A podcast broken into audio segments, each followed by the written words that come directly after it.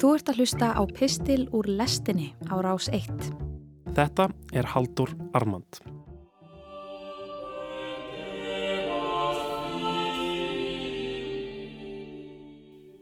In sooth, I know not why I am so sad.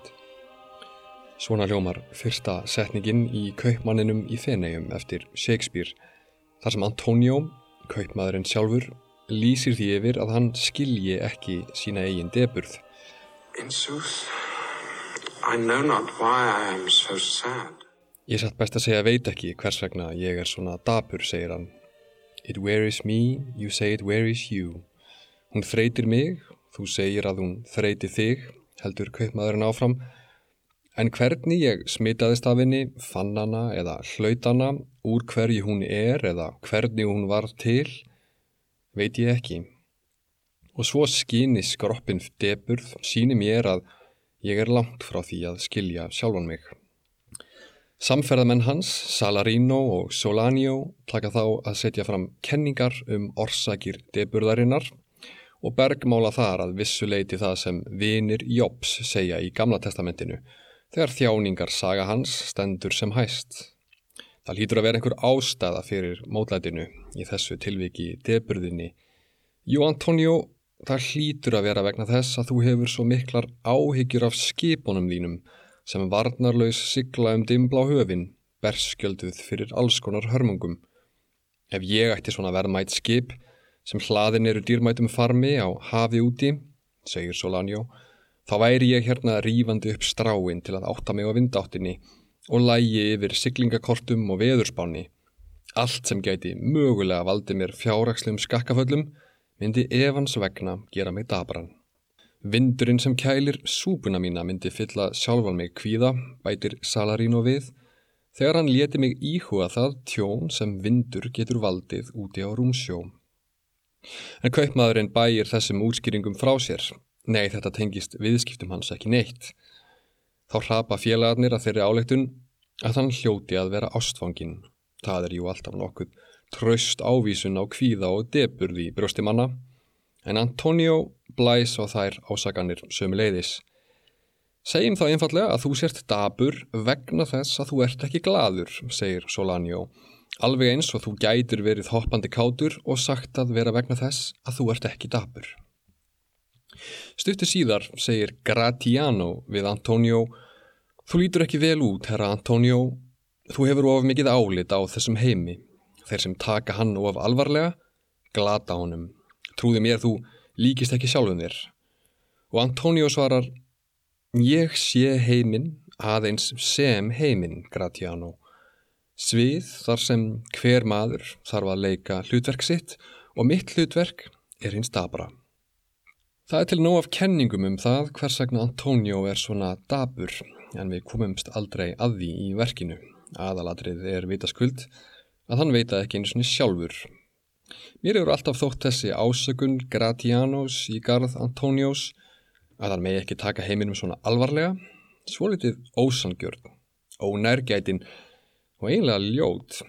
Það er svo auðvelt að segja þetta við dabra mannesku, en það er það oft gert.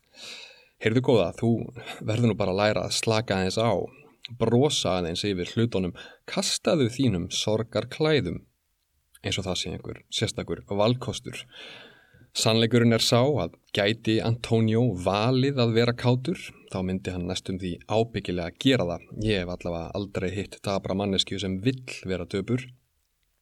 En til að bæta gráu ofan á svart á sagar Gratiano Antonio síðan um uppgerð. Það er að sá síðarnemdi þykist vera dabur, leindardómsfullur og þögull til að veita sjálfum sér reist og smá gravitas. Vertu ekki að fiska svona með melankólíuna sem beitu, segir hann. Uff, síðar afgreðir Bassiano Gratiano reyndar nokkuð vel sem mann sem segir óendanlega mikið af engu, meira en nokkur annar maður í fenegum. Það sem gerir Antonio mikilfenglegan í mínum augum þarna í upphafi er að hann gengst við því að hann viti ekki hvers vegna hann er dabur. Hann leitar ekki skýringa eða setur fram kenningar út í bláinn heldur sættir sig við þá grimmu staðreind að skilningsleysir síum leið staðfesting á því að hann verði að svara neitandi hinnum æfa gömlu spakmælum um að þekkja sjálfan sig. Í sumar flutti ég hér pistil sem kallaðist Varnarræða fyrir melankóljuna og hann fól í sér vissa málsvörd fyrir hlutskipti fólks á borðið Antonio. Það kann nefnilega að vera að tilfinningin deburð eigi oft rétt á sér og sé einfallega svo fórn sem við færum fyrir það að geta virt fyrir okkur sköpunaverkið í allri sinni ógnveikjandi dýrð.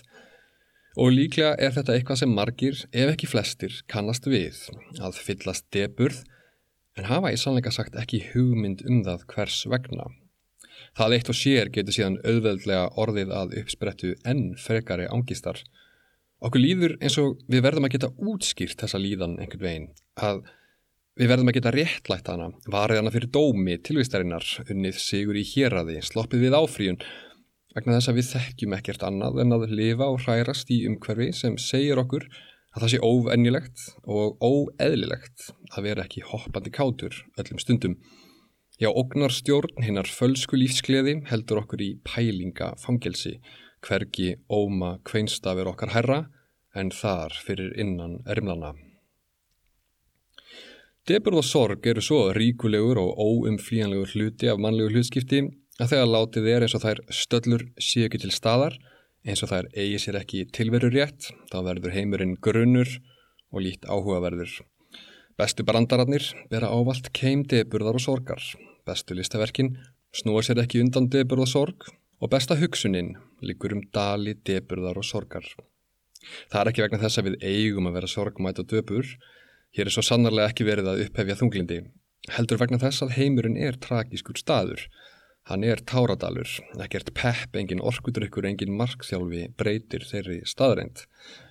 Þess vegna var áhrifamikið að sjá forsætis ráðara Íslands klökna í ræðustól í umræðu um Guðmundar og Gerfinsmálið. Það varði ekki nema í nokkrar sekundur á skjánum, hún mismælti sig, röttin brast og svo var hún horfin úr mynd. En samt var þetta fyrir áhorfanda eins og að sjá frost hlána skindilega á bílrúðu Á sveip stundu var allt skýrt. Henni hafi verið falin ábyrð á tregaljóði. Hún þurfti að svara fyrir harmsögu sem hún skrifaði ekki og hjarta hennar brast. Hér vist að dagar okkar eiga alveg öruglega að snúast um það að njóta lífsins upp að því marki sem við getum. En hér verður því haldið fram að það sé í raun og veru ekki hægt án þess að fela deburð sæti við borðið. En það er þó ekki þar með sagt að við eigum öllum stundum að vera úrvinda af andverpum okkar, eins og segir svo skemmtilega í Davísalmum. Ég lauga rekki mína tárum hverja nótt, væti kvíluna táraflóði, segir skaldið. En stundum gruna mig að þetta sé ein leið til þess að skilgreina fullorðins árin, hvenar verðum við fullorðin, hvenar kveðjum við barnæskuna. Þegar heimsmynd okkar verður tragísk og um leið ljóðræn, djúb og fögur. Ekki örvænta Antonio kalla ég 400 ára aftur í tíman til hafnarbakkans í fenegum. Þú ert bara manneskja og verkefni þitt að þekkja sjálfan þig verður eilíðar verkefni.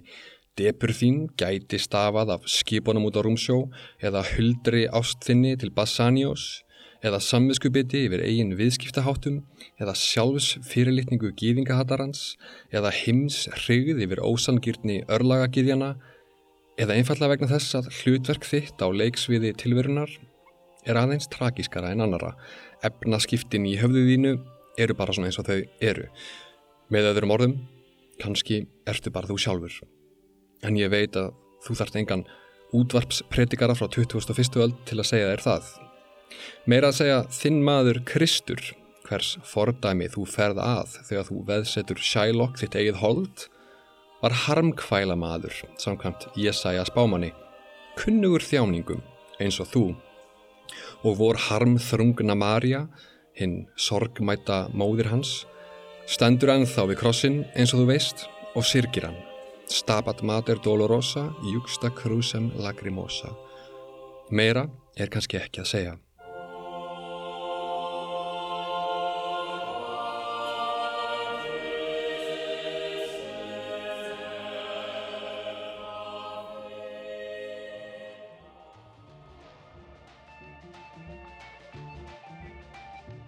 Þú varst að hlusta á Haldur Armand. Nýr pistill frá Halduri hljómar á hverjum þriðu degim í lestinni á rás 1. Ef þú fílaðir þennan pistil og vilt heyra meira, getur gerst áskrifandi að lestinni hér í hlaðvarpsappinu þínu. Rás 1 fyrir forveitna.